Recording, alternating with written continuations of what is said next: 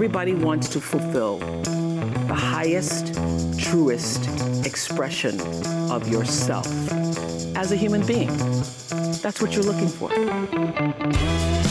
My best advice is to really believe and love what you do. It's about how many times you stand up and are brave and you keep on going. We have been told to live by a certain mold, and it's time to break it. Stop waiting for men to do that.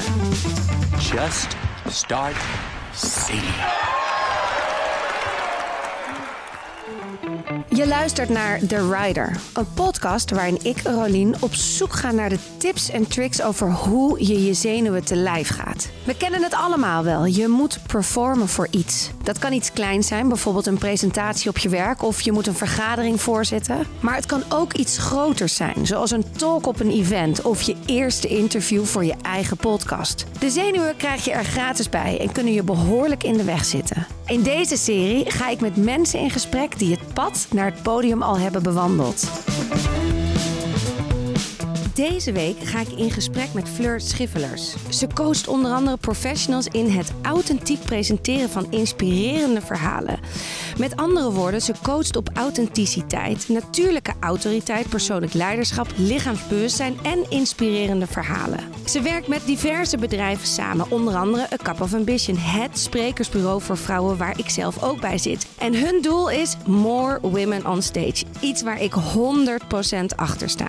Fleur heeft ook een eigen coachingspraktijk en is teamlead van het Spreker Preparation Team bij TEDx Amsterdam Women. Nou, ik hoop dat ik die goed uitspreek. Je hoort het in ieder geval goed. Fleur doet veel en is goed in wat ze doet. En dat weet ik ook uit eigen ervaring, want ze heeft mij ook gecoacht voor een talk. Volgens Fleur gaat spreken over persoonlijk leiderschap en draait het grotendeels om de achterkant van het borduurwerk. Lichaamsbewustzijn is volgens Fleur dé sleutel tot verbinding, bezieling, echtheid op het podium. Maar dit alles legt ze uit in deze aflevering.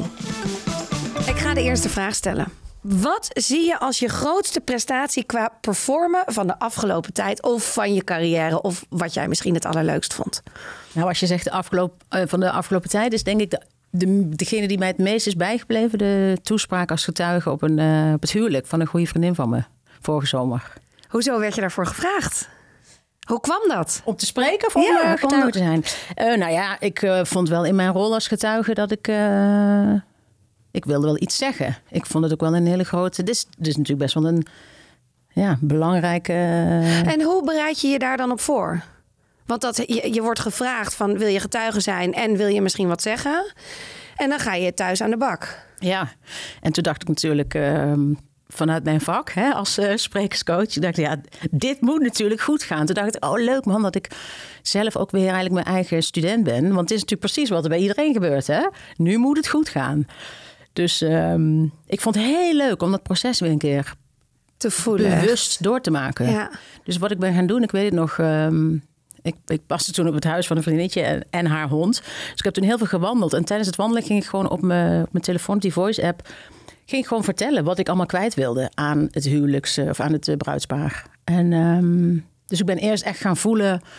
Wat betekent het eigenlijk voor mij ook dat ik getuige ben? Wat betekent hun huwelijk? Wat betekenen zij voor mij? Dus ik ben echt eerst heel erg ja, op die verbinding gaan zitten en op, op wat ik kwijt wilde. En dat ben ik vervolgens gaan herschrijven en natuurlijk gaan oefenen en visualiseren. En um, ik weet het nog goed.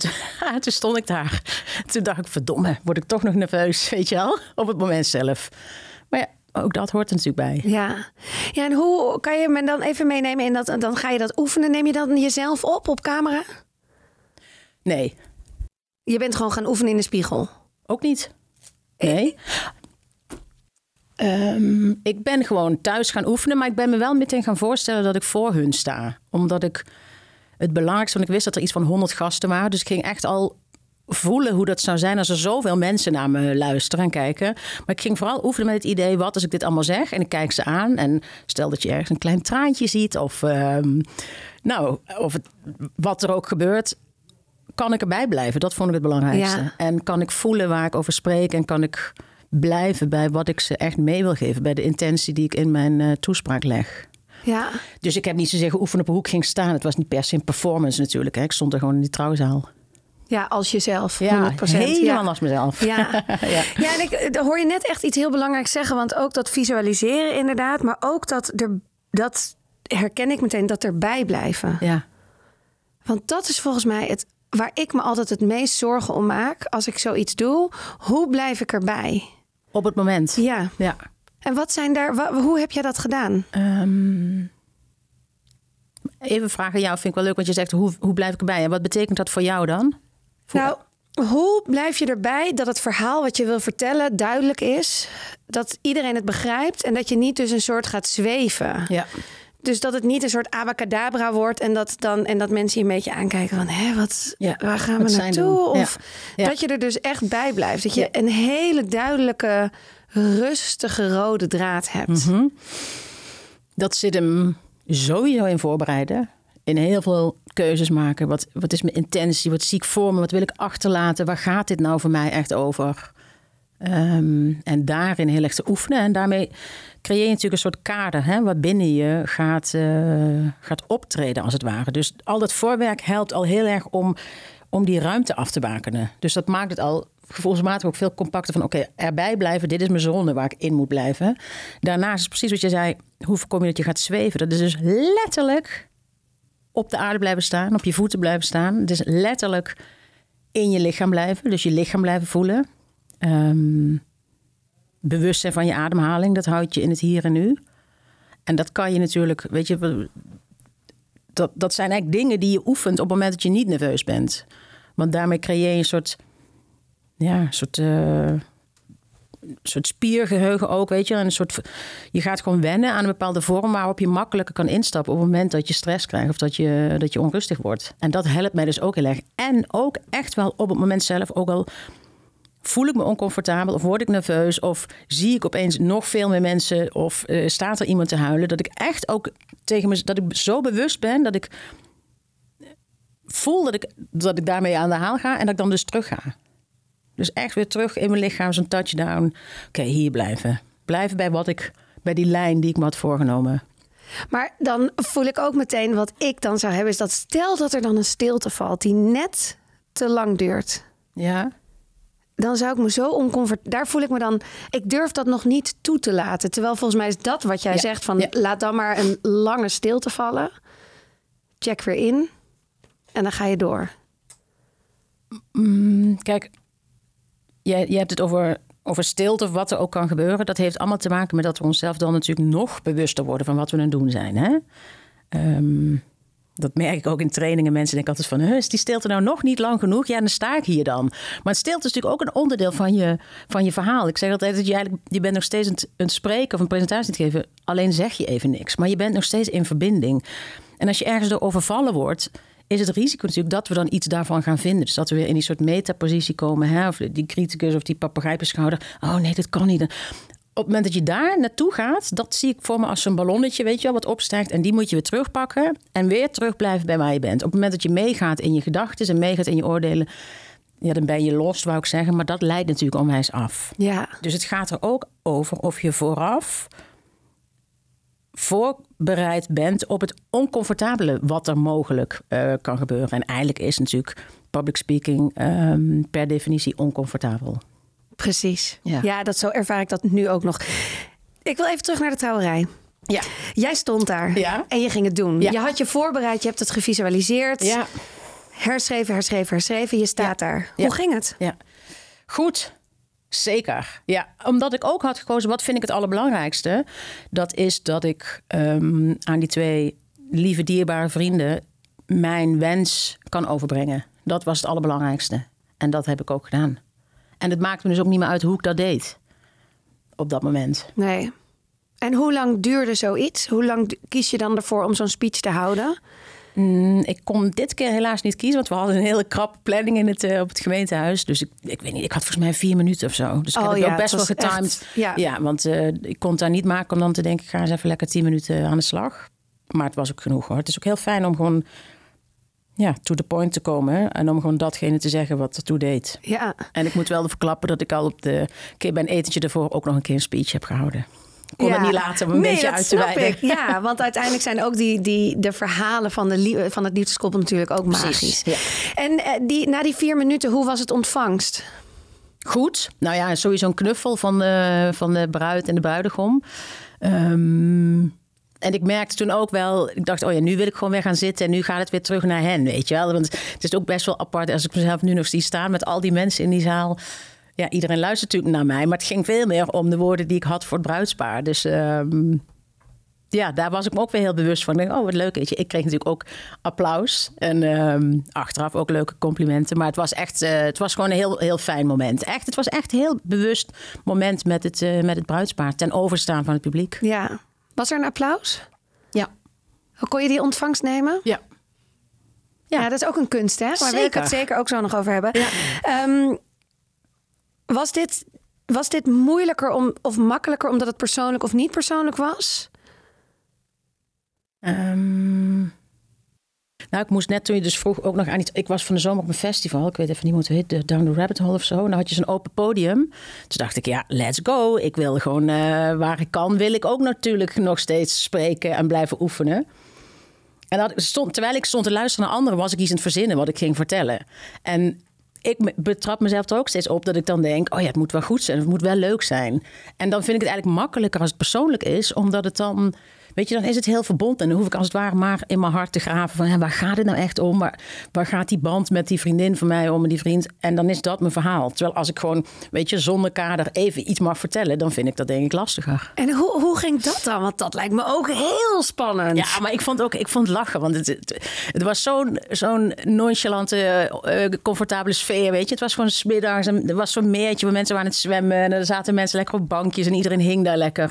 Ik dacht, ik ga gewoon lekker nog eens ervaren hoe weer is om op het podium gewoon een verhaal te vertellen aan mensen. Wat heb je verteld? Ja, dat is wel een van mijn lievelingsdingen. Ik heb iets verteld over, ehm, over de maan.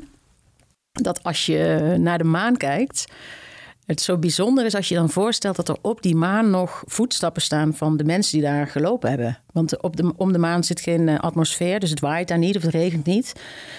Dus als je s'avonds, vanavond bijvoorbeeld, of als je de maan weer kan zien, naar die, naar die bal daar hoog in de hemel kijkt, op zoveel tientallen, honderdduizenden kilometers van ons vandaan, dat daar gewoon voetstappen op staan. Nou, dat vind ik gewoon echt, eh, dat vind ik zo bizar. Van de mens. Van de mens, van ons, ja. ja. Dat wij daar gewoon geweest zijn naar een plek die je dus daar zo ver in het heelal kan zien. Daar heb ik iets over verteld. En ik vond het trouwens ook heel leuk. Ik stond er met vriendinnen en volgens mij hadden we zo'n ehm Moscow Mule of zo, eh, waar we drinken, weet je. We stonden gewoon gezellig. Ik zei tegen ik zeg, joh, fuck it, ik heb hier zin, ik ga het gewoon lekker doen.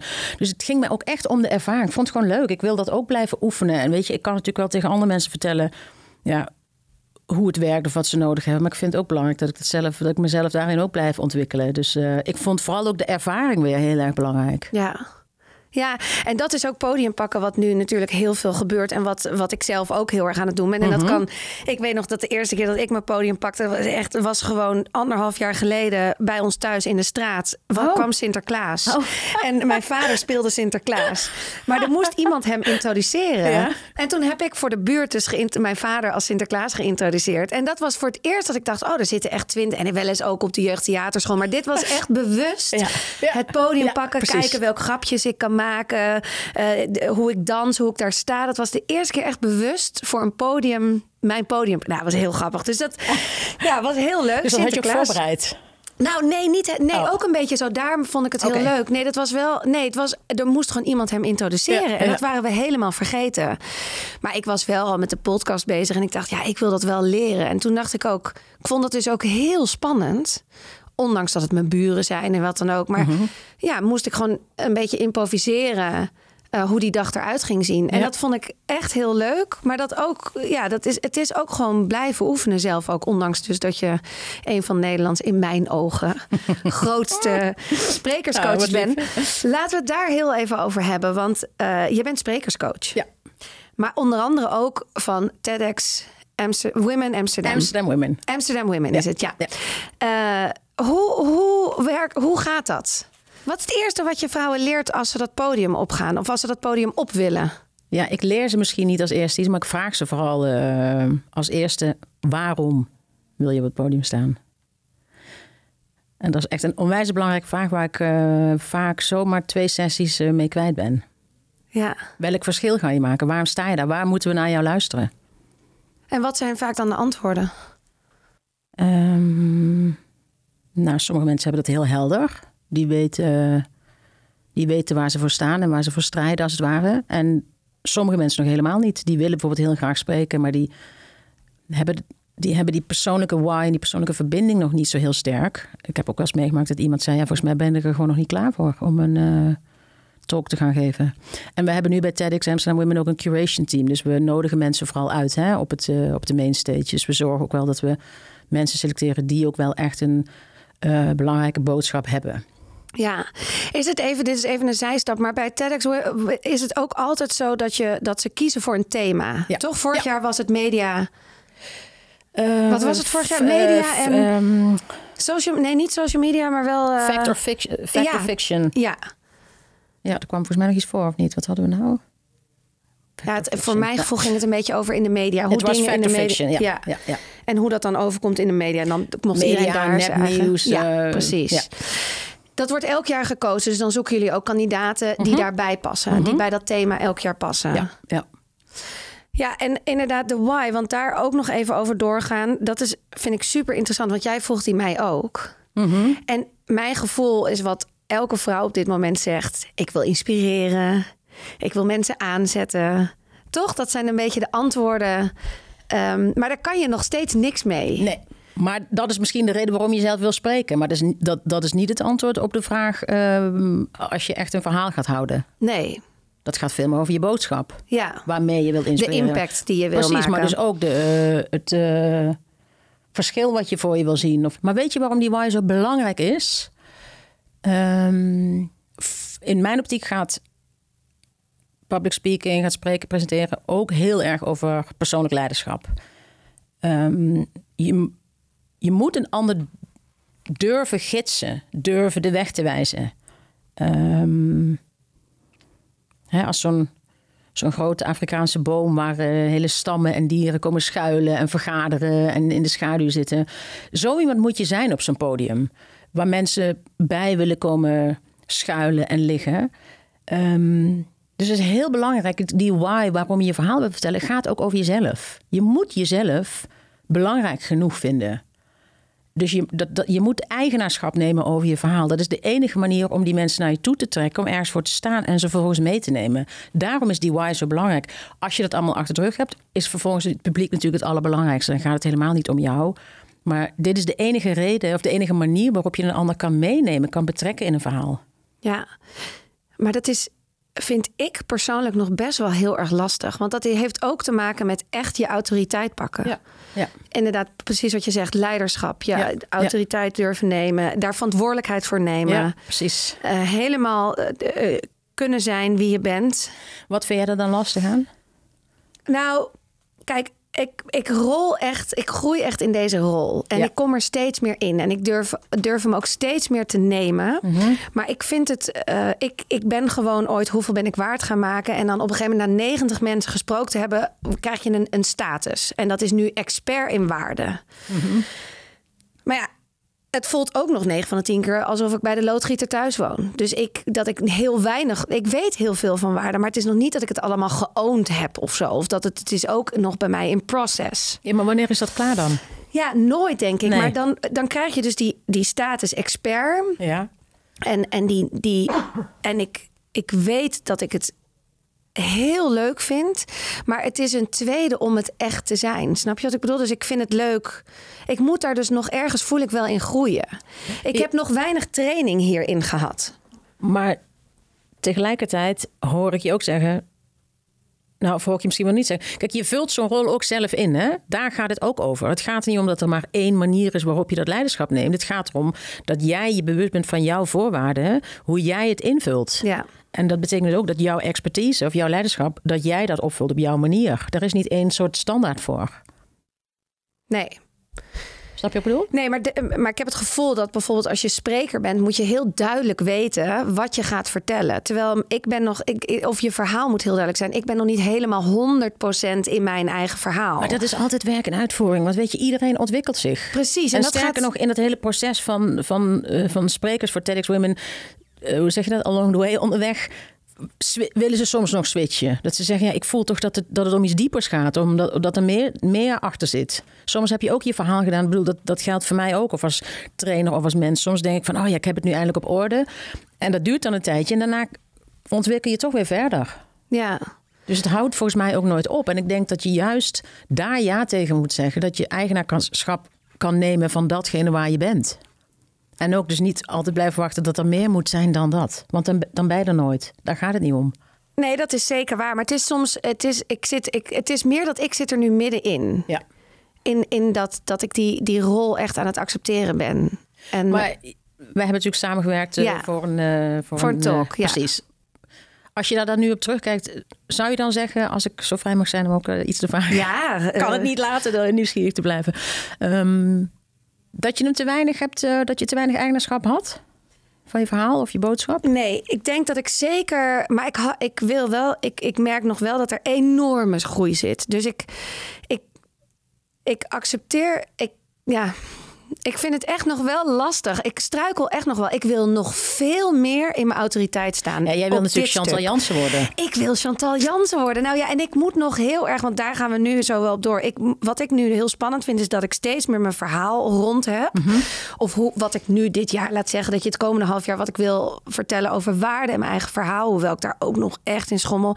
Maar dat heb ik klaar. Maar dan wil ik nu nog heel erg leren om op dat podium echt ownership te nemen. Mhm. Dus echt weten wat ik moet doen met mijn zenuwen. Ik wil stiltes durven laten vallen. Ik Mhm. wil kwetsbaar durven zijn. Ik wil. En dat, dat zijn dingen die ik nog echt niet beheers. Dat nu, alles wat ik nu visualiseer van dat podium, is alleen maar veel angst. Ja, maar eigenaarschap betekent niet dat je niet zenuwachtig bent en dat alles lukt, hè? Nee, oké. Eigenaarschap gaat wat mij betreft veel meer over die ja naar jezelf... waarmee je zegt, oké, met alles wat ik nu ben... niet met wat ik nog eigenlijk zou moeten kunnen en ooit zou moeten zijn... met alles wat ik nu ben, wat ik nu weet, met al mijn voorbereiding... ga ik er 100% voor en zeg ik er ja tegen. Dat is de enige basis waarop je een ander kan overtuigen. Omdat je zelf overtuigd bent. Ja. Anders wordt het voorwaardelijk. Zeg je, ja, het is best oké wat ik nu ga vertellen... maar ik weet gewoon dat het volgend jaar pas leuker gaat zijn. Hoe kan je mensen daarin eh, inspireren... als je dus eigenlijk zegt van dit is pas het halve verhaal? Waar luisteren mensen daarnaar? Ja, nee, dat heb ik niet. Ik Nee. heb wel een volledige ja. Ja, Maar ik moet nog wel echt het podium leren. moet niet, hè, erbij doen. Ja, daar ben ik aan het doen. En het is ook lekker, het is leuk om te ja, blijven. het is, dat is ook zo. De, de reis daar naartoe is ook leuk, maar het, het komt wel met veel eh, zenuwen bij Ja, mij. ja. Kunnen we het daar het even over hebben? Hoe, hoe als jij dan. Heerlijk, over eh, zenuwen. Ja, Ja. vind je, is zenuwen een leuk onderwerp? Nee, maar Het hoort erbij. ja, ja, ja. Ja. Het is echt een Ja. groot deel. Hoe, die, die vrouwen die bij jou binnenkomen bij. TEDx. Ze hebben de why. Mhm. Hoe, gaan jullie dan te, hoe ga je dan te werk? Ehm, dat is echt per persoon verschillend. Ik probeer, ik probeer altijd wel een soort van. Nou, kijk, wat ik sowieso doe als ik zelf aan het werk ga met iemand. ehm, als ik ze ontmoet, dan schets ik een tijdspad. En dan. Ehm, hè, we hebben de- meestal beginnen we rond september, augustus, september beginnen we samen te werken. En dan in eh, eind november, begin december is, de, is het eh, event. Dus dan hebben we een soort tijdlijn voor ons liggen. Het is natuurlijk lekker als het verhaal gegeven moment af is, want dan kunnen we daarna aan die performance gaan werken. Maar je hebt tenminste al, alle coaches uit mijn team en ik zelf ook, we hebben te maken met sprekers die, die, van wie het niet hun baan is. Dus ze hebben daarnaast hun eigen leven. Ze hebben of heel veel bedrijven of kinderen. Er gebeurt van alles en nog wat. Dus binnen die eh, agenda's, en ik heb natuurlijk ook mijn eigen agenda, gaan we zoeken hoe we elkaar natuurlijk kunnen zien, ontmoeten. Ehm, de een is. ehm, Weet je, die is, die is zo ge- ge- perfectionistisch en gedetailleerd. Die heeft het verhaal bij wijze van spreken in een week af. Waar we dan nog op, op, op doorgaan. En een ander die blijft bijvoorbeeld heel erg nadenken. Een ander praat eerst nog met twintig andere vrienden. En dan komt er weer een nieuw idee. En we kunnen dit doen en dat doen. Dus ik kan wel een plan hebben. Maar ik heb onwijs te maken met de manier waarop zij, eh, waarop zij ook daar ruimte voor kunnen maken. Ja. Ehm, maar ja, vroeg of laat is het natuurlijk op een gegeven moment een verhaal. Ehm, daar vraag ik best wel op door. Hè. Dat, eh, ik moet het voelen, daar moet die overtuiging in zitten. Dan moet natuurlijk op een TED-manier moet daar onderbouwing in zitten. Eh, dat, heeft eigenlijk, dat heeft allerlei eisen, is best wel een strak format. Ehm, dan is het ook de bedoeling dat deze sprekers het uit hun hoofd leren. Hè. Dat is ook natuurlijk inherent aan het TED. eh, TED In het. Engels. In het Engels. Yes. Ja. Ehm, doen mensen ook op hun eigen manier. Ik had afgelopen jaar iemand ik geloof dat wij twee avonden voordat het event was, uh, de laatste hand legden aan haar verhaal.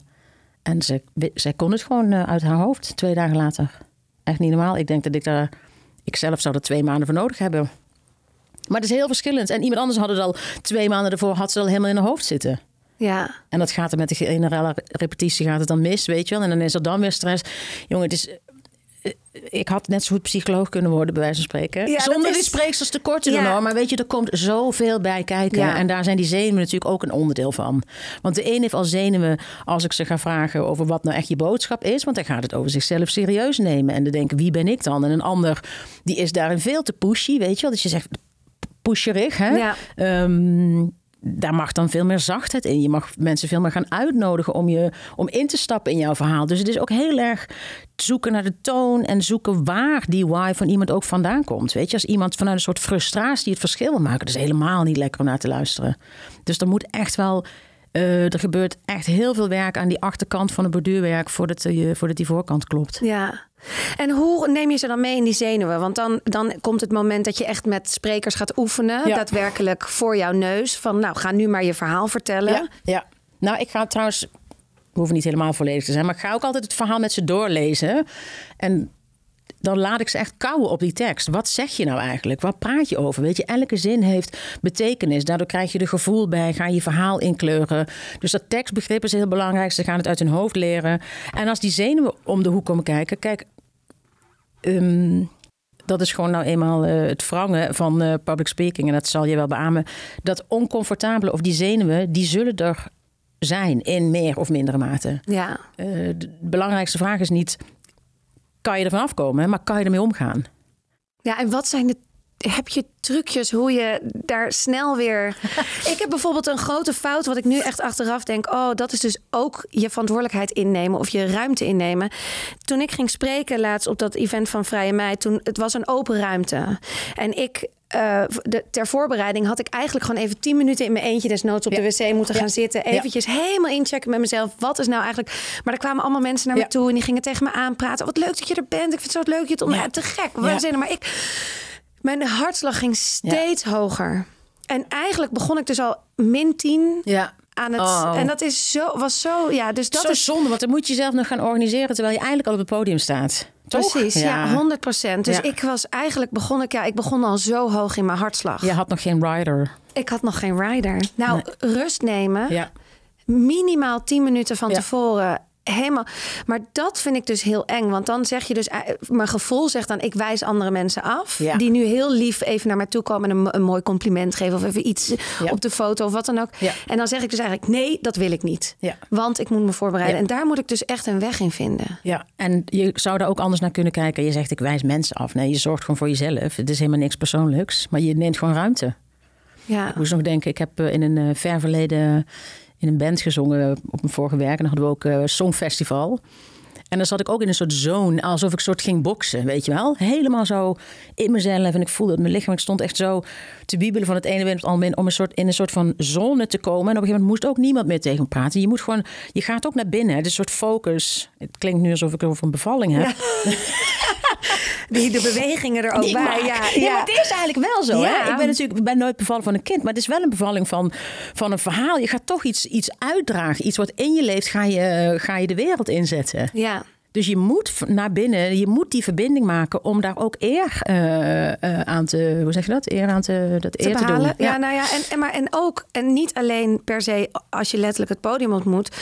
Als jij het heel spannend vindt om in je relatie ruimte te nemen, of in een vriendschap waar het niet lekker botert, moet je eigenlijk dat ook doen. Vijf minuten eventjes inchecken voordat je dat moeilijke gesprek ingaat, of dat die vergadering moet leiden, of die notulen moet, whatever. Het is dus iets wat we veel meer dagelijks moeten doen, volgens mij. Wil je je podium pakken, dus wil je je ruimte pakken. Ja, nou ja, om. Ja. Ja, jij zegt inderdaad ruimte pakken. Ik zie het bijna meer als gewoon ook aanwezig zijn, bewust Ja. aanwezig zijn. Ik bedoel, dat wij hier nu zitten, dat gaat voor mij niet echt over ruimte pakken. Maar ik merk wel dat ik hè, tussen lunch en hier zitten, dat er toch even een soort van verschuiving plaatsvindt Ja. van, van focus en van afstemming. En weet je, daar heeft ook iedereen zijn of haar eigen manieren voor. Hè? Want wat ik net al zei, in zo'n soort zone komen. Sommige mensen zijn nog tot de twee minuten voordat ze opgaan ehm, hun hele verhaal nog hard op het zeggen. Weet je wel? En anderen die zitten nog e-mails te sturen. Of iemand loopt gewoon hard op. Ik heb ook wel eens met iemand achter de coulissen van uh, TEDx Amsterdam Women rondjes gelopen. Om haar maar in ontspanning te brengen en ademhaling in het hier en nu. Omdat ze zo verstrikt raakte in angst en zenuwen. Dus die kunnen natuurlijk onwijs verlammend zijn. Ja. En dat is natuurlijk, dat kan, je, dat kan je op het moment zelf nog best wel repareren. Maar dat is natuurlijk wel lekker als je daar al veel eerder mee bezig gaat. Met al die what-if scenario's ook. Wat heb ik van mezelf nodig? Dus dat is ook persoonlijk leiderschap. Ja. jij, jij had in je podcast, die heb ik vanmorgen geluisterd, dat je jezelf kan troosten. Ja. Die nu, uh, daar gaat het natuurlijk ook over. Kan ik mezelf dragen? Kan ik kan ik ja zeggen? Kan ik mezelf omarmen met alles wat er nu gebeurt? Of laat ik me daar helemaal door overspoelen? Oh, ik heb zenuwen en nu gaat het... Weet je, het gaat erom net als zo'n ballon... dat je jezelf weer iedere keer terug op aarde brengt... en focust op het doel wat je hebt. Ja. En dus al je emoties en, en gedachten ook kan managen... en daarin kan kiezen en kan zeggen... dit nu wel, dit nu niet. En als we daar natuurlijk te lang mee wachten, dan gaan zenuwen natuurlijk ook een enorme overhand nemen. En angsten en, en alles wat je fysiek natuurlijk ook nog eens daarbij uh, ervaart. Ja, wat zijn nou echt de, de tips en tricks die je toch echt. Want visualisatie is volgens mij een van jouw dingen die je echt altijd inzet. Ja, het heeft denk ik twee doelen. Ten eerste kan je een visualisatie inzetten als onderdeel van je voorbereidingsproces, hè, wat topsporters ook doen.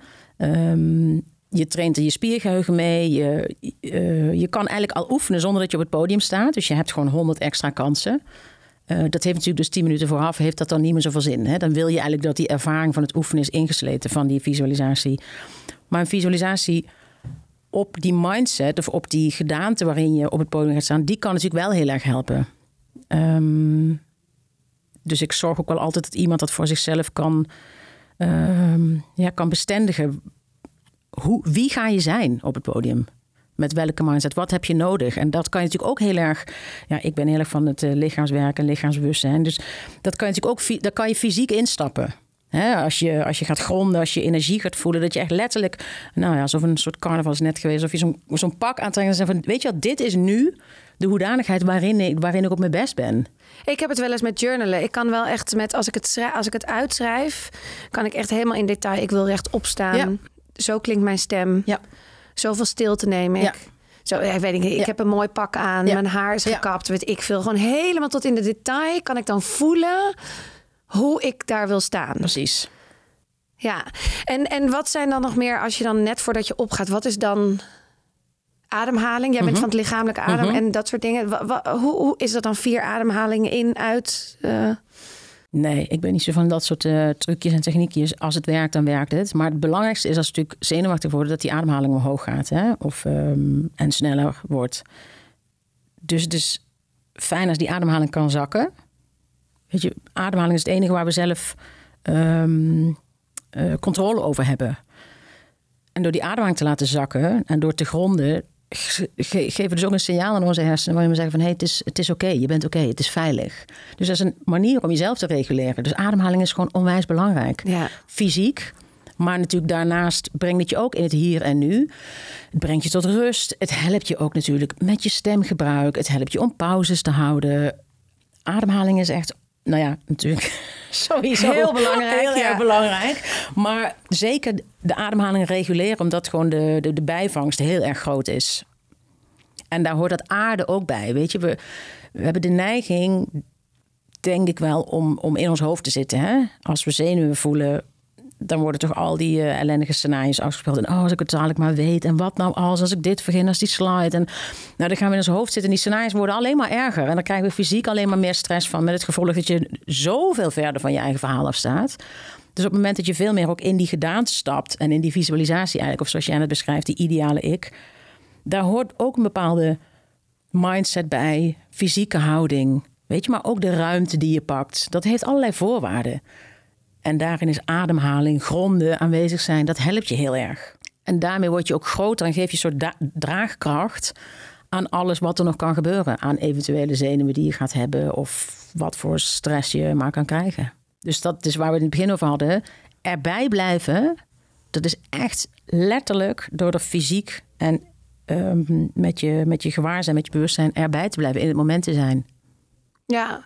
Hey, en Fleur, wat heb jij zelf nodig als jij ergens spreekt? Wat is jouw rider? Wat staat erop? Ehm, behalve die blauwe M&M's. Ja, en die, en die 6 rollen Oh ja, van een acht kleurtje. handdoeken. Acht handdoeken, Nou, op precies. zich een glas lekkere champagne lijkt me heerlijk. ja, Maar- voordat je opgaat? Nee joh, nee. Dat zou toch niet kunnen? Zou je alcohol kunnen hebben voordat je een...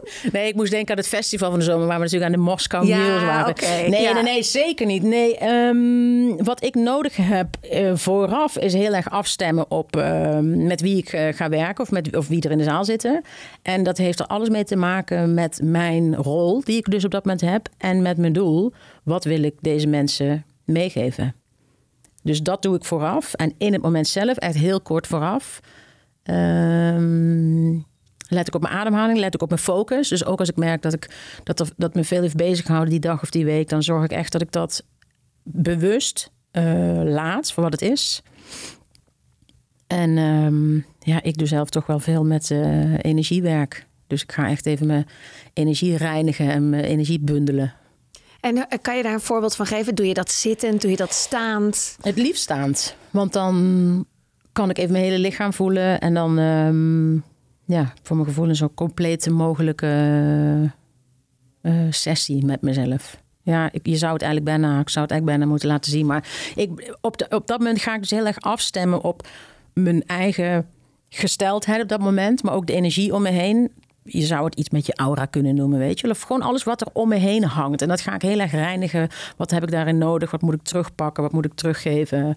Ehm, wat houdt me nog allemaal bezig? Ik ga ook een beetje aftasten hoe mijn energie is. Dus ik voel ergens, is het zwaar? Is het licht? Wat heb ik nodig om eigenlijk nu die rol te kunnen vervullen? Ja, dat is wat ik doe.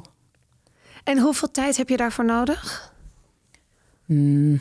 Kijk, dat is ook een soort spiergeheugen. Hè? Dat heb ik natuurlijk op een gegeven moment zo vaak gedaan. Eh, dus ik kan daar best wel instappen. Alleen heeft het soms iets meer nodig en de andere keer iets minder. Maar ik heb wel altijd, en dat is voornamelijk met trainingen of eh, andere sessies. ehm, ik wil even dat incheckmoment hebben. Ik moet even een soort van met die thermometer afstemmen op mezelf hoe ik erbij hang. Hoe ik erbij zit. Omdat dat heel belangrijk is. Omdat ik natuurlijk... ehm, ja, dat ik ook weet dat ik helder kan, eh, kan kijken en luisteren naar anderen. Ja. Dus dat kan ook. Dat- een minuut mag ook. Oké, Maar oh, dat is echt, maar dat is wel getraind, een minuut. Ja, tuurlijk. Kijk, en als je nu zou zeggen van... eh, ik zou eh, ook nog wel eens een keer een TED-talk willen geven... Weet je, dan denk ik dat ik niet pas één minuut van tevoren even ga, eh, Nee. ga inchecken. En, en al- als je als dan bij zo'n talk, hè, Mhm. hoeft niet TED maar zijn of whatever. jij, jij hebt het inchecken checken gedaan, maar voor die tijd zijn er toch allemaal mensen die om jou heen. Ze willen nog wat van je. Ze willen, hoe, hoe ga je dan om met die communicatie naar die anderen? Dus hoe, hoe pak je dan dat, wat ik in het begin een beetje zei, hoe pak je dan die ruimte? Dat je dus, ga je dan inderdaad alleen op de wc zitten? Of kan je gewoon ook al eigenlijk nog beter aangeven aan de mensen om je heen van jullie moeten mij nu echt even laten? Ja, dat is natuurlijk niet heel erg uit mijn eigen, eh, eigen ervaring... want ik heb die TED ook nog niet eh, gegeven. Maar dat is... Nee, maar je hebt wel bijvoorbeeld voor zo'n huwelijk of, of ergens, ergens neem je een soort afstand even van andere mensen Ja.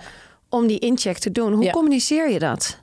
Oh, niet. Ik, ga- ik ga gewoon eh, ergens naartoe waar ik op mezelf ben. Of ik zeg gewoon... eh, ehm, als iemand zegt, wil je koffie? Ik zeg, nee, ik ga me eerst voorbereiden. Ja, ik, ik zie daar niet zo'n eh, probleem in eigenlijk. Nee, grappig hè, dat ik dat Ja. dus echt ervaar dat ik dat heel lastig vind.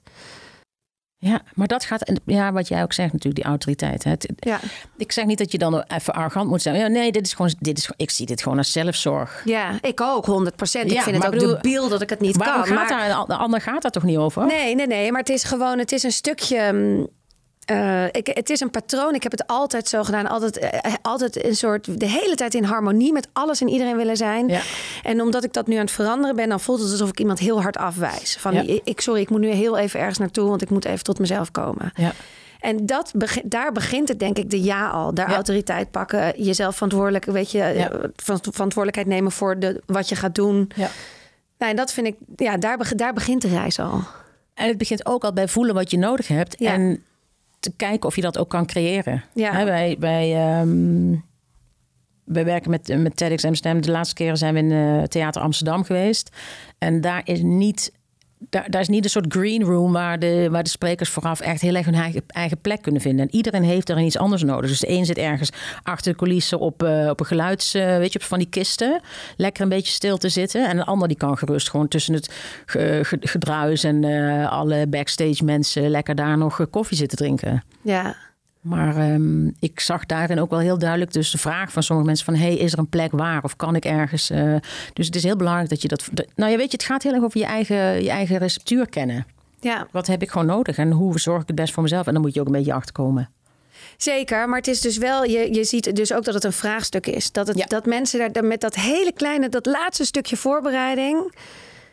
Voordat je het gaat doen, dat is bijna van. Daarom vraag ik ook wel van: he- heb, heb jij een bijgeloof bijvoorbeeld? Of een ritueel wat je doet? Ja, dat inchecken. Ja, ja. Eh, weet je, kijk, het gaat op dat moment misschien niet meer om voorbereiden, maar het gaat op dat moment over voor jezelf zorgen. Om te zorgen dat je, ja, hoe kan ik het anders zeggen dan dat je in die zone komt waarin je dus focus hebt, waarin je afgestemd bent, waarin je aanwezig bent, waarin je connectie hebt met het verhaal, waarin je net als een, weet je, een topsporter brengt ook focus aan. Of mensen die op het theater, eh, of ja, die, al jouw gasten die je natuurlijk in deze, Ja. deze podcast hebt. Ehm, ja, en iedereen heeft daar iets anders nodig. En daar coach ik wel heel erg op. Ik coach heel erg op, eh, op die zelfzorg. Op jezelf leren kennen en weten wat je nodig hebt. Want ook als je op het podium staat, gaat dat nog steeds door. Weet je, als je tekst vergeet of als, eh, als de, de klikker het niet doet of zo, dan moet je jezelf ook kunnen herpakken. Wat is daar voor tip in? Want dat is toch ook je worst nightmare, wat mij al is overkomen, is dat je het even niet meer weet. Ja, maar ja, is dat je. Ja, ik snap het wel dat dat een worst night. Nou, je wil natuurlijk dat het gewoon zo soepel mogelijk gaat. Dat het gewoon helemaal eruit komt. En dan denkt, ja, dat iedereen je geweldig vindt. En, eh, en dat je afloopt en de grote applaus. En dan. Jij wil dat iedereen jou geweldig vindt. Nou, dat het, dat het gewoon dat iedereen er inspiratie uit heeft gehaald. En dat je denkt, ja, dit voelde ja, echt ja, goed. En ja, je wil ja. niet dat er toch een stilte valt te lang. Of te- de- aan de andere kant geloof ik ook heel erg in dat dat juist fantastisch is. Want dat kan ook verbindend werken. Eh, toch in een, in een zaal. Dat als iets even awkward is, dat, we, dat je elkaar allemaal aankijkt en dat je daarna ademt. Eh, en dan is Ja. er meer verbinding dan daarvoor. Weet je waar het over gaat? Ehm, ik denk dat ik best wel in tegeltjes spreek soms. Real, not perfect. Ja, Dat is het belangrijkste. Want wat is perfect? Wat is goed?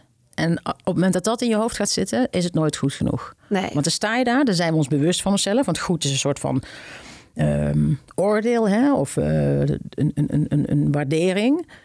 Ehm, en wat moet daar wel niet allemaal voor gebeuren? Terwijl het gaat om menselijk zijn. Weet je, wij, eh, niemand communiceert vanuit een soort perfectie of masker. Dan komen we al gauw op de social media zo uit. Of eh, andere types. Maar het gaat heel erg over, de- over het mens zijn. Over de herkenning kunnen, kunnen creëren. En hoe meer je zelf bent, hoe meer een ander zich ook in jou herkent. En hoe meer je jezelf bent, hoe veiliger iemand zich bij jou voelt. En hoe meer iemand jou zal vertrouwen. En daardoor dus veel meer van je aanneemt. Dus op het moment dat je je tekst verliest, maakt het helemaal niet uit. Op het moment dat jij daar geen probleem van maakt. Maar mensen die dan heel ongemakkelijk worden of zichtbaar in de stress schieten of opnieuw willen of eigenlijk het podium af willen, dat wordt ongemakkelijk. Weet je, het heeft ook met spiegelneuronen te maken. Dan gaan we echt, nou, of we krijgen een soort medelijden met iemand of we denken, oh my god, wat is hier aan de hand? Terwijl als iemand heel relaxed blijft, het is belangrijk dat je blijft ademhalen, heel bewust. Wat ook helpt is blijven bewegen. Gewoon even dat lichaam blijft bewegen, dat die stroom op gang blijft. Dat je ook jezelf een beetje uit die freeze haalt. En dan vaak komen die, eh, komt die tekst vanzelf weer. Ja. En of je zegt van nee, shit, weet je, maar waar was ik nou? Of hoe zat het nou ook alweer? Maar echt even je tijd nemen. Want we denken natuurlijk, oh, dit is de hel en daar gaan we, weet je wel. Dan duurt het allemaal veel langer. Terwijl als je gewoon kan ontspannen, dat is natuurlijk de kunst. Maar Ja. als je op dat moment kan ontspannen, dan komt die altijd weer. Waarom ja, lach je nee, nu? ik moet lachen omdat ik denk, oh ja, ik zie al helemaal nu in de toekomst hoe ik dat ga oplossen. Ja, ik zie het ook voor Als me. ik het, ja, als Ja. ik het even niet meer weet, dan ga ik gewoon even rondlopen. En dan ga ik misschien naast iemand zitten en zeggen: waar had ik het nou net over? En dan gewoon weer, weet je wel, en dan weer verbinden en dan zeggen: oh ja, let's go, dat was het. Dat Nou, was en mijn verhaal. eigenlijk dus niet dan weer verbinden, maar verbonden blijven. ja, dat precies. is de kunst. Ja, En dan is er helemaal niks aan de hand. nee. Want dan zal niemand zeggen, ja, het was heel leuk, maar dat ze daar even de zin vergatten, dat was wel echt slecht. Dat boeit echt niemand. Nee, maar dat en wat je precies wat je zegt, is dat dat perfect, Ja. dat mogen we loslaten. Oh, echt. Ja, Weet je, het hoeft niet Ja, perfect. en sterker nog, ik geloof ook niet in. Perfectie bestaat echt niet. Nee. Ehm, Nee, perfectie bestaat Nee. niet. En daar moet je dus ook niet naar willen streven. Dat, is niet, dat moet niet de Volgens doel mij niet. of... eh, Kijk, je kan, ik, ik denk dat je veel beter kan, kan kijken wat werkt. ja. In je voorbereiding, of je tekst uitschrijft, of of je hem boven je bed hangt, of, of post-its maakt, of dat je hem inspreekt. Weet je, wat werkt voor jou? Nogmaals, wat is jouw eigen receptuur, receptuur hierin? Hoe werkt het voor jou het beste? En, en zo moet je het doen. En uiteindelijk, alles wat je doet in de voorbereiding schept een kader en een bedding, waardoor je op het moment suprem alles kan geven wat je, wat je te geven hebt. En dan aan het einde het applaus helemaal ontvangen. Dat zei jij tegen mij. Ja. Blijven staan. tegen zei- ja, Ja. je zei Oh. Aline, blijven staan. Ja, hoe ging dat? Eh, ja, goed, maar ook awkward. Ja. Want het is, je, mijn instinct is weglopen. Gewoon ah, je, eh, zo'n beetje Ja. zo onder de tafel. Nou, dat heb ik eh, gedaan. Ja. En, en dan de kunst dat je even 10 seconden of 15 seconden, wat heel lang duurt, blijven staan en gewoon iedereen even aankijken en zeggen: Yes. Zo Ja. van, ja, dat is heel, dat, dat heb ik, dat is voor 10 seconden gelukt. Maar ik had eigenlijk gewoon lekker 5 seconden langer moeten laten blijven staan. Ja, Ja, goed, dat eh, weet je iedere keer een seconde langer. precies. Dat is maar zo. Ik vind het, dat is, het is, het is zo'n onderdeel van, van, van de hele performance die je geeft. En van, van ook de chemie die er ontstaan is. Weet je, dat is, het is, je bent altijd in uitwisseling met je publiek. En op dat moment wissel je ook met elkaar uit. En het is toch ook prachtig om te voelen dat je mensen dus bereikt hebt. Want dat is de enige manier waarop ze, hoe ze dat op dat moment kunnen laten merken aan je. Ja, de waardering die je dan krijgt. Ja. ja. Maar dus ook de, de verbinding die er ontstaan is. Ja, ja dus blijven staan. 10 Zeker. seconden. Fleur, we gaan nog even luisteren naar jouw artiest. Ja? De rider van jouw artiest. Oh ja, leuk. Komt-ie? Ja? The Rider van Amy Winehouse. Twee flessen rode wijn, een grote fles wodka, twee kratten bier, twee flessen champagne, twee flessen Jack Daniels. Maar daarnaast ze ook nog Coca-Cola blikjes gesorteerd. Hoezo gesorteerd? ja, dus het moet, moet gesorteerd op normale cola, cola zero. Oh ja, ja. zo, Maar ook echt, recht ja. worden gezet volgens mij. Ja, met het etiket naar voren. En wanneer was deze, weet je dat? Eh, ja 2000. eh, Toen ze nog leefde in ieder geval. ja. Maar wat een, wat een drank, hè?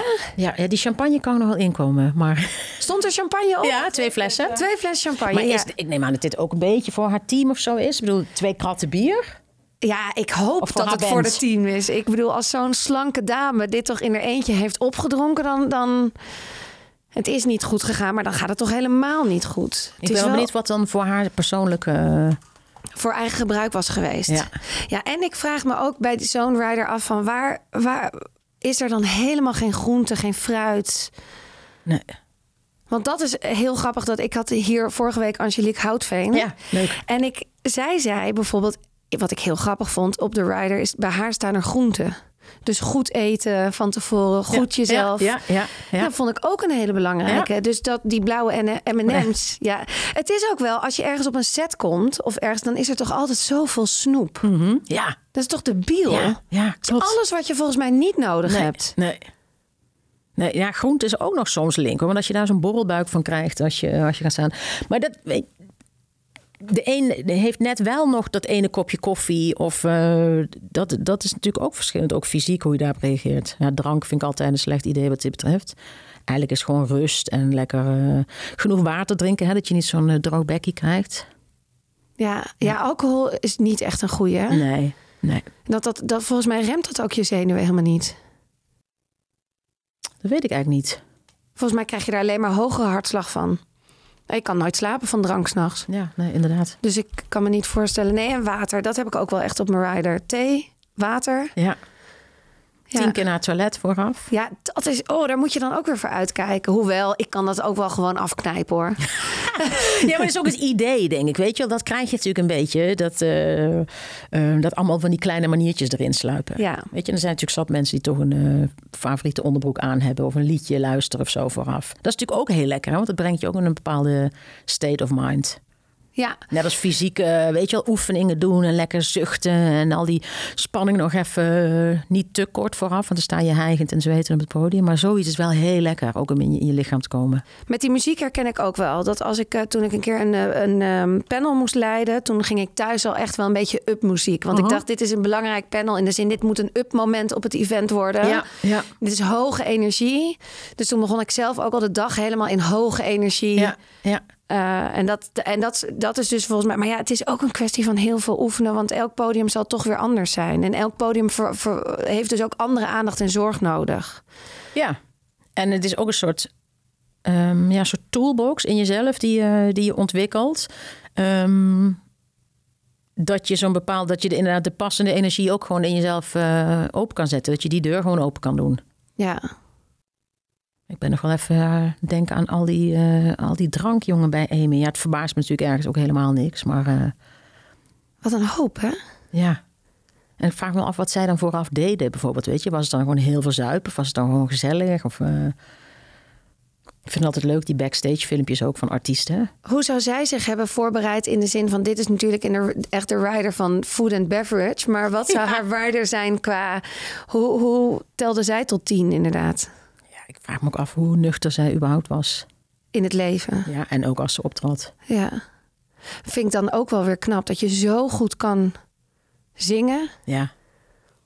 ook al heb je zoveel drank. Het lekker is natuurlijk ook dat, dus, dat die, die, die criticus op je schouder... Ja, die is uitgeschakeld. Precies, die ligt gewoon lam achter de bank. Dus dat is natuurlijk ook wel heel lekker. Dus je kan natuurlijk echt helemaal zo vanuit dat lijf, dat rauwe, dat, dat, dat echte, eh, daar kan je natuurlijk ook vol ingaan.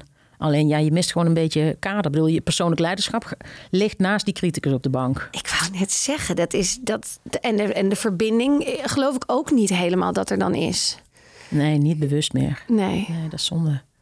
En dat je dan dus ook, dan ben je dus een artiest die daar wel staat en iedereen vindt jou fantastisch. Maar alleen omdat je gewoon een heel.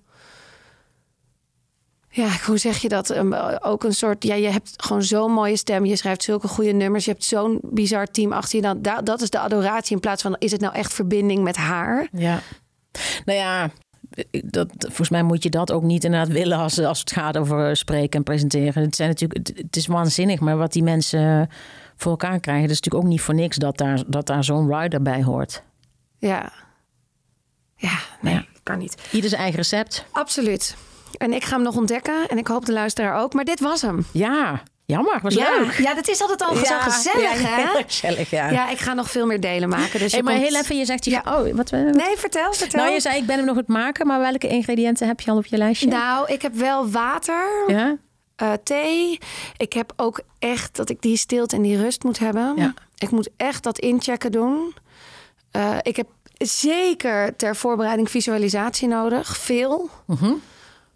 Ehm, ik denk ook wel, eh, ik, ik kan bijvoorbeeld ook, ik, ik, bij mij begint het nu wel steeds meer dat ik, dat het echt al dagen van tevoren de voorbereiding begint. Dus Ja, geen drank meer, geen, eh, Ja. ja. niet, ook dan niet naar een theatervoorstelling, weer andere invloeden. Ik moet dan, ik, ik ben nog zo beginnend in dit leiderschap, dat ik echt de hele tijd moet voelen, wat willen, wat is mijn verhaal, waar, waarom.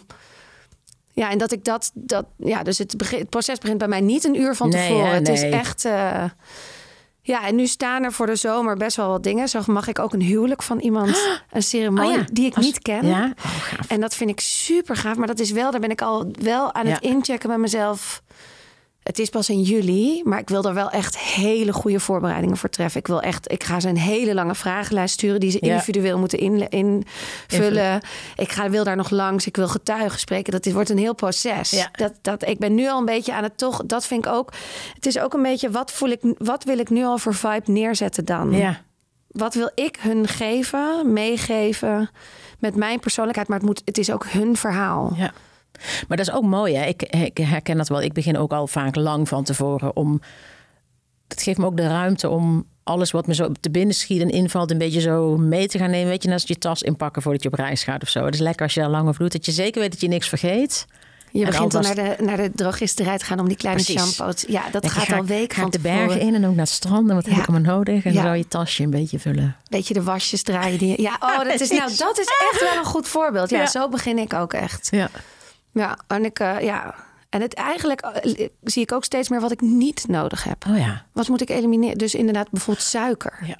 Ja. alcohol. Ja. Werkt niet. Ja. Vet eten, bij wijze van spreken. Nee, ja, om precies. even.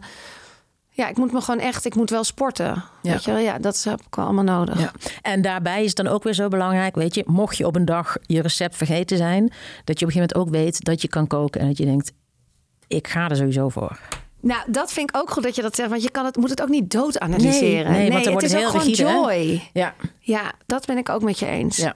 Maar dat is een beetje dat passiegevoel van binnen. Ook de why. Waarom wil je het? Ik kijk, daarom vind ik het moeilijk om de why steeds te kunnen beantwoorden. Het is ook een, een, een brandend verlangen van verliefdheid. Mhm. Wat ik gewoon. Ik heb dat een beetje gekregen nu en ik wil hem ontzettend aangrijpen. ja. Dus het is. Ja, ik voel wel de hele tijd als ik weer een boeking krijg of er gebeurt iets, en denk ik, voel ik de hele tijd die joy. Ja. Oh, ik mag weer verbinden, weet ja. je wel? Ja. Ja, dus het is. En dat moet ik ook niet veel groter of zwaarder maken. Nou, maar dat is ook iets. Ook zoals ik je erover zie spreken, je zegt ik wil het aangrijpen, maar het is ook het brandt al, weet je. Maar Ja. geef het de ruimte, geef het de zuurstof, zodat het kan blijven branden. En waar la- laat het, laat je erdoor leiden. Ja, We willen zo graag het allemaal, eh, ja, toch altijd maar pakken en goed doen, terwijl er al zoveel is ook. ja, absoluut. Dit was hem. Ja, We gaan nu echt ophouden. Ja. Dankjewel. Oh, Dankjewel. dankjewel. Dit was hem voor deze week. Lieve Fleur, dankjewel voor al je tips en je openheid. Vond jij het nou ook leuk en heb je iets geleerd, dan hoor ik dat natuurlijk graag. Je kan me vinden op Instagram. Hoeveel ben ik waard? De podcast. En verder zou ik het fantastisch vinden als je sterren in Apple of in Spotify achterlaat. Verder nog één ding. Tot de volgende!